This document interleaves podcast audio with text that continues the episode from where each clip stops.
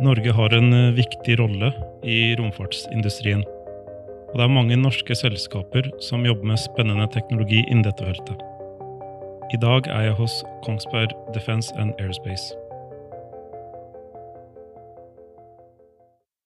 Jeg sitter sammen med Simen von der Lippe. Han er product manager i Kongsberg divisjon Space and Surveillance. Simen, velkommen til Astronomipodden. Mange takk, mange takk. Kan du fortelle litt om deg selv og hva du jobber med? Ja, jeg er jo da eh, product manager og systemingeniør på Optopyro, som er det å sette av eh, funksjoner på eh, romraketter med laserstråler gjennom fiberoptiske kabler. Så det er når du ser en rakett som, som skiller seg, som eh, legger fra seg stadier på vei opp, så er det da eh, aktivering av pyrotekniske funksjoner. Og vi jobber da med å gjøre det med, med laser istedenfor uh, strøm.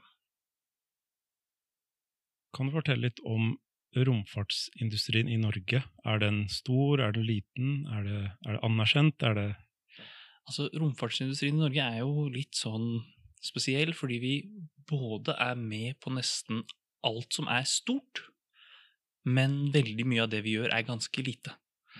Så uh, av de store uh, romleverandørene nå i dag, så er uh, Norge med på det aller meste. Det er Kongsberg-produkter som sitter på Ariane-rakettene, på SpaceX-rakettene, på Rocket Lab-rakettene. Um, det er Nammo-produkter som sitter på Ariane-rakettene, blant annet. Um, vi har jo også Andøya Spaceport oppe i nord, hvor de bygger opp uh, rett og slett en, en rombase for uh, launching av satellitter. Der er jo Isar Aerospace blant annet involvert, så veldig mange av de veldig store er involvert med Norge. Men mye av det vi gjør, er ikke den største biten. Og akkurat det med Andøya er interessant å nevne, fordi eh, jeg var på den eh, romkonferansen i Paris, og der møtte jeg Andøya Space. Og Ja. der eh, fortalte de om planene sine for, for den nye småsatellittbasen. Og da kan jeg tenke meg at det blir enda mer å gjøre for romfartsindustri i Norge. Da. Hvis det kommer utenlandske kunder og skal ha skyte opp satellitter og sånt, så blir det enda større marked for det i Norge. Ja, nei, det blir det jo definitivt. Nå er det jo faktisk sånn at uh, Isar Aerospace, som skal sende opp uh, fra Andøya, de har jo planen sin å launche derfra først. Um, de er faktisk en av de uh, launch-providerne som Kongsberg snakker med for å launche sine satellitter. Ja. Eh, for Kongsberg er i ferd med å bygge opp en, eh, en satellittkonstellasjon. Um, så hvis timingen er riktig, så kan det hende at vi launcher da første Kongsberg-satellitten på Isar sine eh, raketter fra Andøya. Så da blir det en nesten helnorsk. Da blir Ja, det jo altså. eh, Isar og, og Norge. Og det er litt kult, fordi det kan jo bli første måte, stedet på europeisk fastland der man skyter opp småsatellitter fra, om jeg ikke tar feil. Det vet jeg faktisk ikke. Uansett kult. Jeg tror de er i et race i så fall.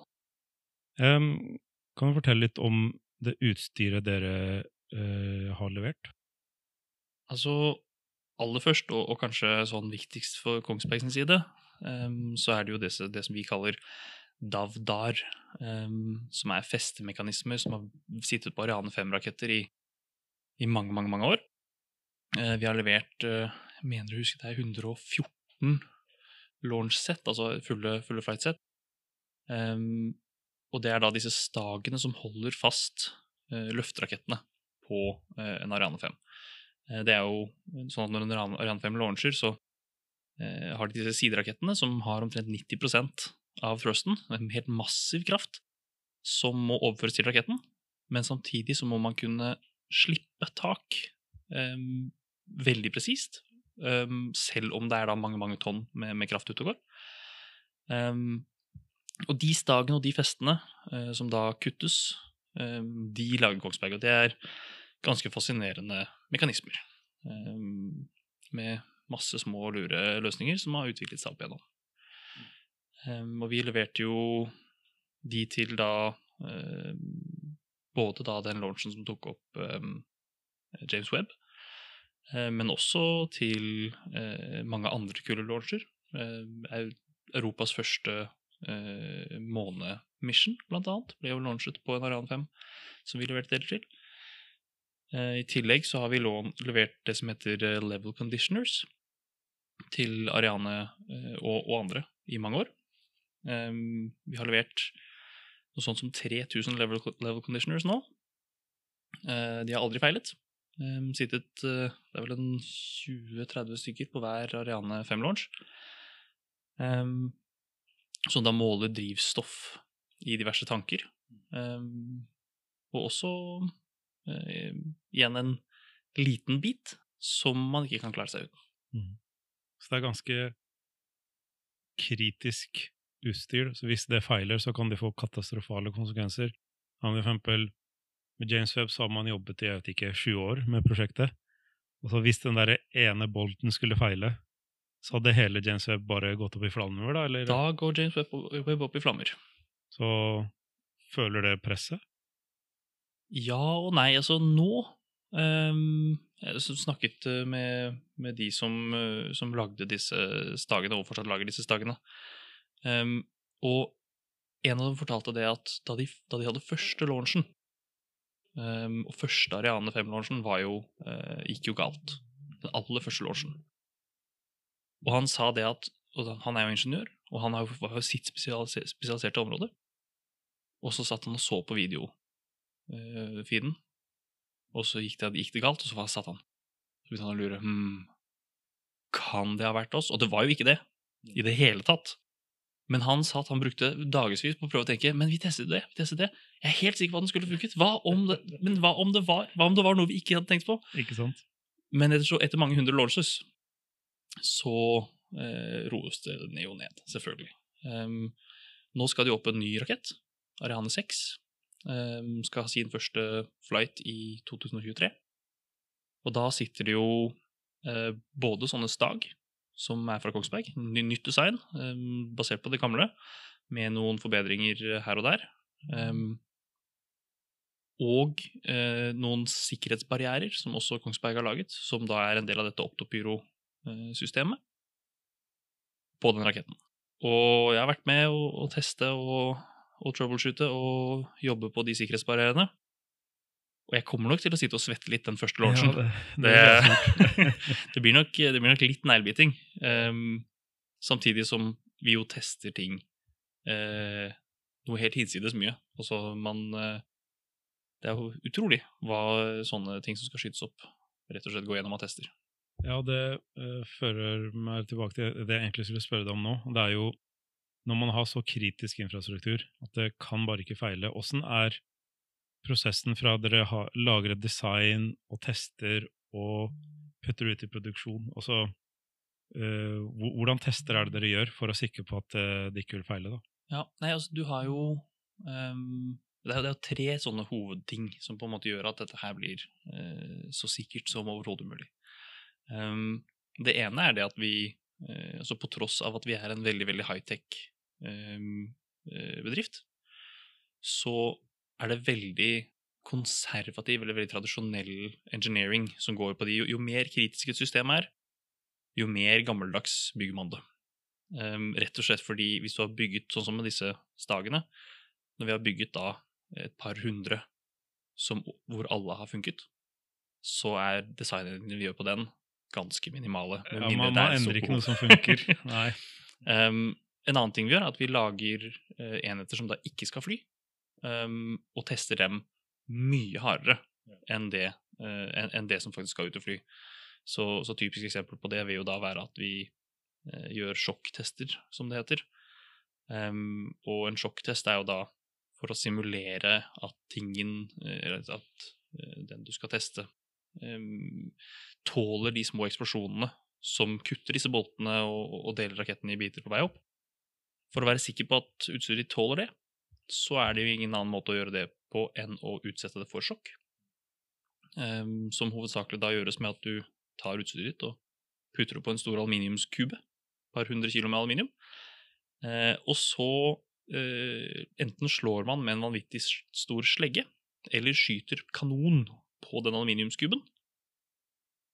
Veldig uh, sånn low-tech testmetode. Og slå Ja. med slegge, liksom? Du skulle tro det. Uh, ja, nei, men det er, jo, det er jo da kanonen som er den, den ordentlige testen. Um, så da lades det en, en kanon med en sånn tungstenklump som veier en 20 kilo, eller noe sånt. Og så skyter man kanonen i aluminiumen, og så måler man sjokket og passer på at det sjokket er uh, godt over det som man kommer til å se i virkeligheten, da. Jeg kan tenke meg at eh, ved å teste på en slik måte, så kan dere også sikre dere mot si det, det skjer noen oppskyting som gjør at den får enda mer krefter enn man kunne tenkt seg, at den faktisk holder og ikke knekker. Ja. Og så har vel kanskje um, de som de, de- andre i systemet har vel kanskje også krav som de stiller til dere, med tanke på kravspesifikasjoner på og tester og validering og ja. Ja, nei, altså eh, Kravhåndtering og, og kravspekker er jo en, en kjempestor bit eh, av det vi gjør. Og det er jo Ja, sånn eh, av, av offentlig tall så kan jeg jo bruke et sånn SpaceX-eksempel. Hvor eh, SpaceX skulle utvikle et nytt eh, flight termination-system, som jo er omtrent det vi også driver med å jobbe med. Em, og da de skulle utvikle sitt nye i 2013, tror jeg det var, så brukte de 40% av budsjettet sitt på å diskutere krav. Så Ja. hadde, du en hadde du et engineering-team på 20 mann som, som drev og bygde, og de kjøpte inn deler, og de testet, og de sprengte raketter, og de styrte og ordna. Men 40 av budsjettet deres gikk til å diskutere krav med NASA og US Air Force. Ja, og det er vel eh, ganske Jeg kan tenke meg det er en byråkratisk prosess, i tillegg til at det er store tekniske krav. Ofte veldig byråkratisk, ofte veldig teknisk. Ofte en kombinasjon. Det er jo sånn at i en bransje som jo er litt konservativ, og som har så mye heritage som eh, rakettbransjen, så kan du komme over et krav som er der fordi noen en gang oppdaget at dette her reddet et liv, eller at kunne redde et liv. Mens andre ganger så kommer du over et krav som noen bestemte seg for for 30 år siden, og så har det ikke vært noen grunn til å endre det siden. Um, og det å skille forskjeller på de to, der trenger man altså Det er litt vanskelig å si, litt, eh, litt rart å si, men der trenger man byråkratiet Ja. for å passe på at de kravene man eventuelt fjerner eller endrer, er de som noen la inn fordi de kunne, og ikke de som noen la inn fordi de så at her trenger vi dette kravet for å beskytte en pakning, eller her trenger vi dette kravet for å passe på at, eh, at ikke noe eksploderer. da. Og det er interessant det, det du nevner med eh, måte gamle måten å tenke på, fordi eh, jeg har fulgt med litt på SpaceX, og jeg føler at de har mye mer sånn der prøve- og feil-metodikk enn det NASA har. De, SpaceX har sprengt kanskje 100 ganger flere raketter og funnet ut hvordan man kan få bedre steg for steg enn NASA, da, som kanskje bruker mer tid på å få det rett første gang. Og er, det en endring vi ser i, i rombransjen, at man eh, tåler mer prøving og feiling fordi testinga blir billigere? Eller? Altså, i, i sammenligning mellom NASA og SpaceX, så er det litt sånn at NASA sin oppgave, sin mission statement, er jo ja å, å få sendt opp uh, sonder osv., men en viktig bit av NASAs rolle i amerikansk politikk er også å spre statlig funding til stater som driver med produksjon. Um, som gjør at av og til så vil de sitte med en trade-off hvor de kan si at ok, vi kan bygge denne biten her, i denne staten, og så eh, er det bedre å bruke mer penger på det for NASA som, som, et, eh, som et statlig organ, eh, heller enn å teste mer eller å sprenge mer lokalt, eller ja. Og der spiller det sikkert også inn hvilken senator som leder det, den delstaten. Det er en sånn personlige kjempe, kjempestor effekt.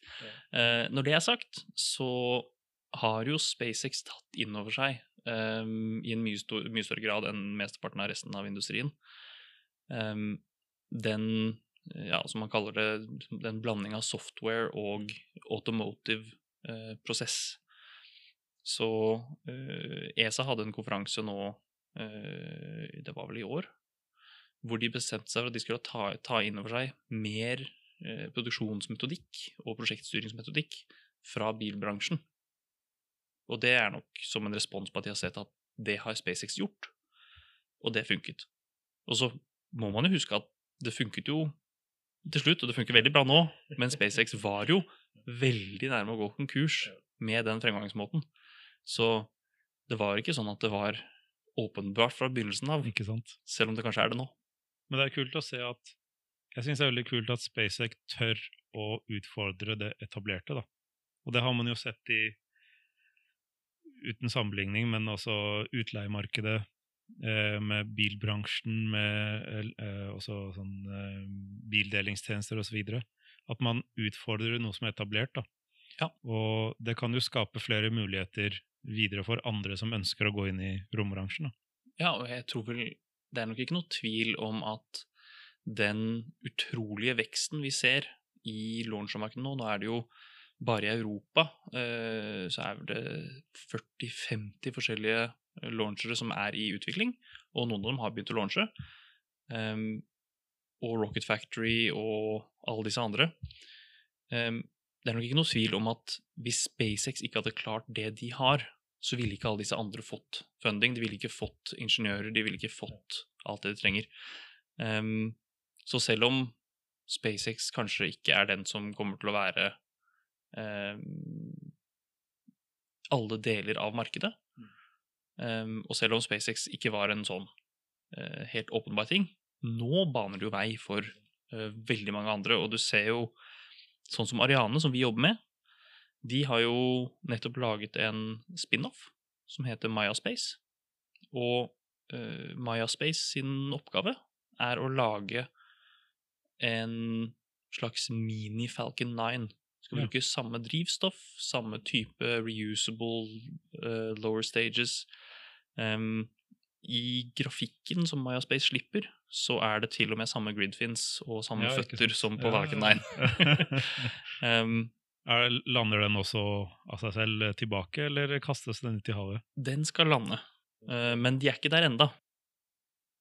Og så har jo ESA sin altså Etter at eh, Etter at SpaceX klarte å, og begynne å lande sine boosters og klarte å faktisk vise at det var noe som funket, så begynte ESA eh, med en gang å planlegge eh, for sin versjon av det.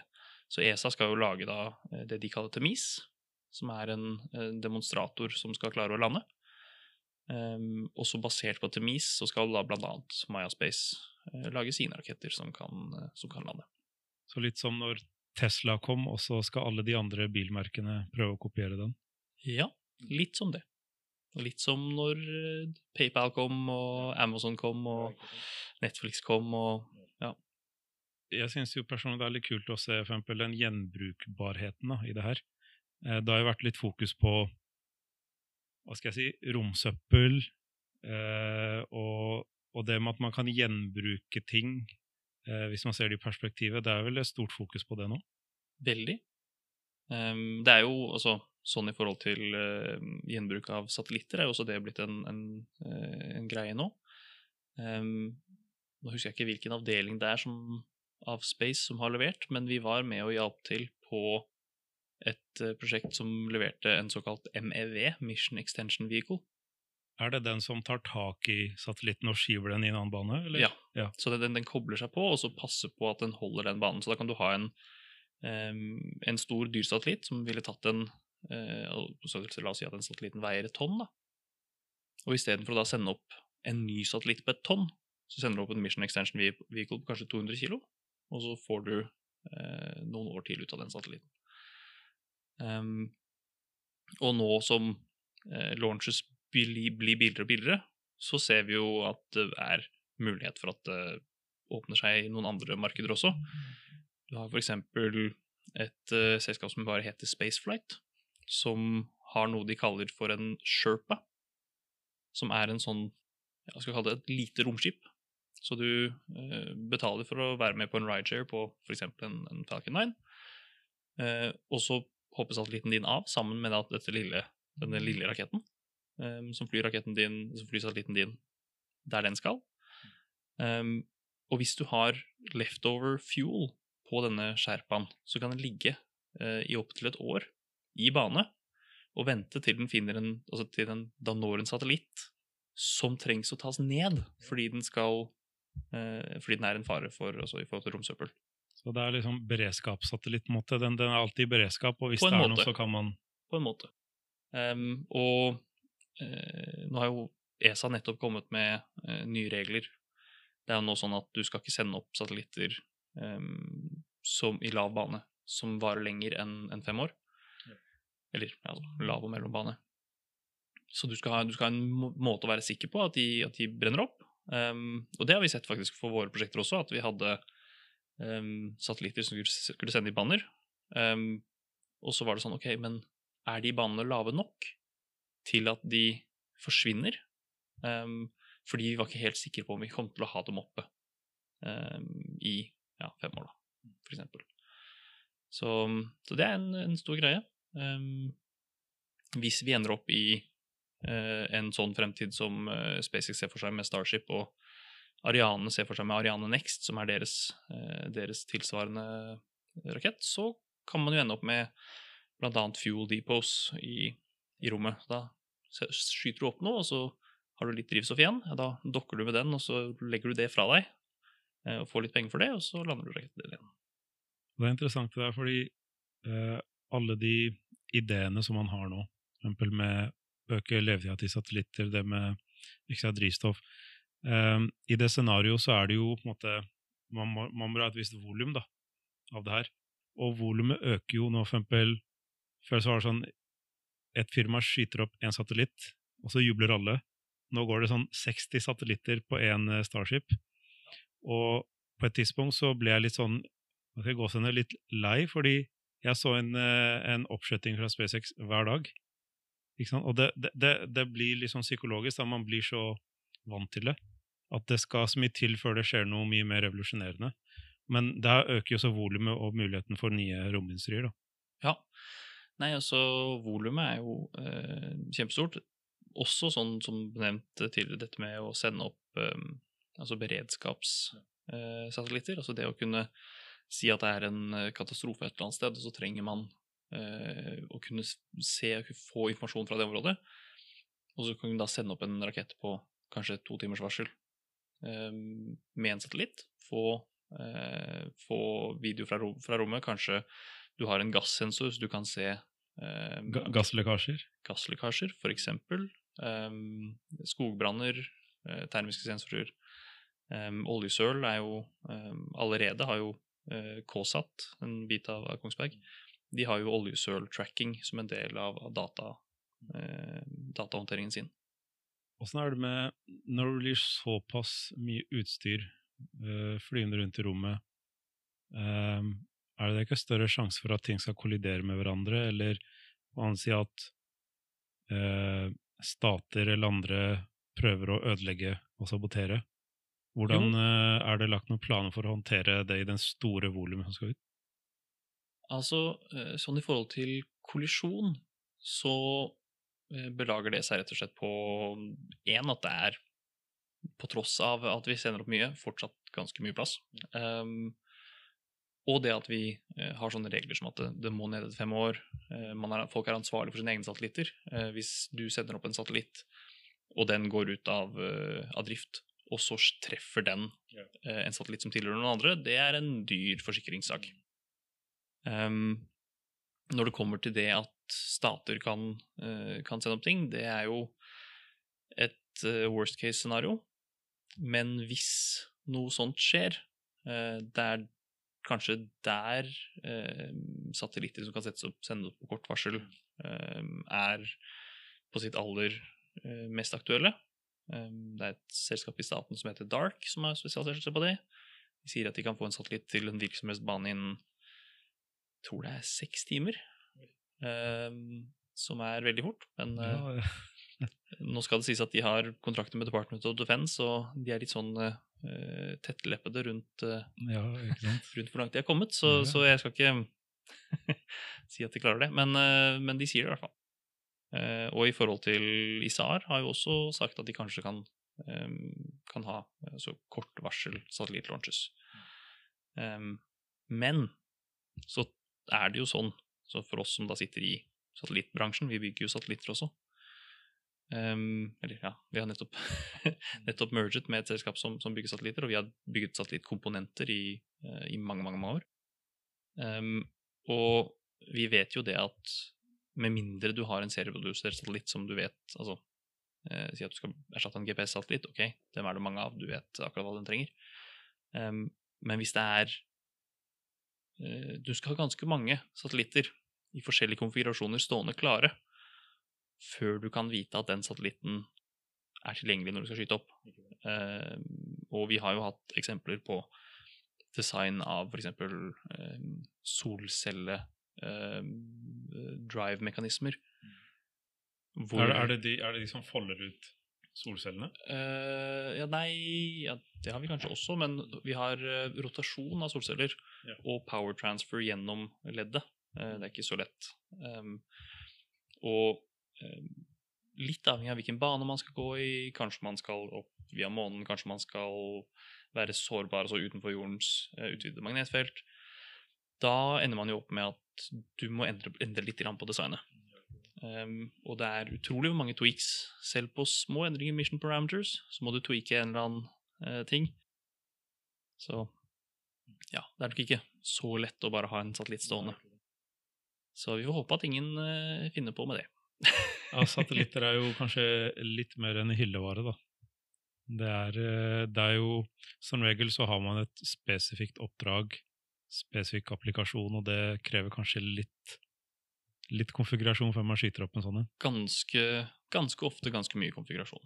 Vi har jo Så man, har et, måte, man må jo ha infrastruktur på bakken også for mottak og analyse og hele den pakka òg. Ja, altså den infrastrukturen er jo for så vidt eh, Der er vi jo såpass heldige at den er det mye av, og den er mye eh, vanskeligere å ta ut, kanskje, enn en satellitt. Men nå skal det sies at jeg er jo altså, Defense and Aerospace uh, Ja, det er, vi har jo militære biter. Men space i seg selv er jo uh, Space Divisjonen er jo uh, hovedsakelig sivil. Så jeg kan ikke egentlig så veldig mye om militærbiten. Uh, men hvis du kan få et intervju med si NSM eller noe sånt, så er de sikkert eh, Altså Norsk sikkerhetsmyndighet. Um, så har de sikkert en masse tanker på det. Vet ikke om de sier det høyt. Ja. Mest sannsynlig ikke. Jeg ser i den lista deres så har dere um, antenna pointing mechanisms. Den er litt interessant. Ja, Er det slik at man kan justere fysisk hvor antennene peker fra bakken? Uh, ja, så det er jo da antennepekemekanismer som sitter på satellittene. Um, og det har vi i eh, mange, mange typer eh, som sitter på mange satellitter. Ehm, vi har eh, veldig mye eh, store værsatellitter som er sendt opp eh, i de siste, det? De siste 30 årene, som bruker antennemekanismer fra Kongsberg. Så det er eh, Og de må peke da typisk på bakkestasjoner mens satellitten flyr forbi.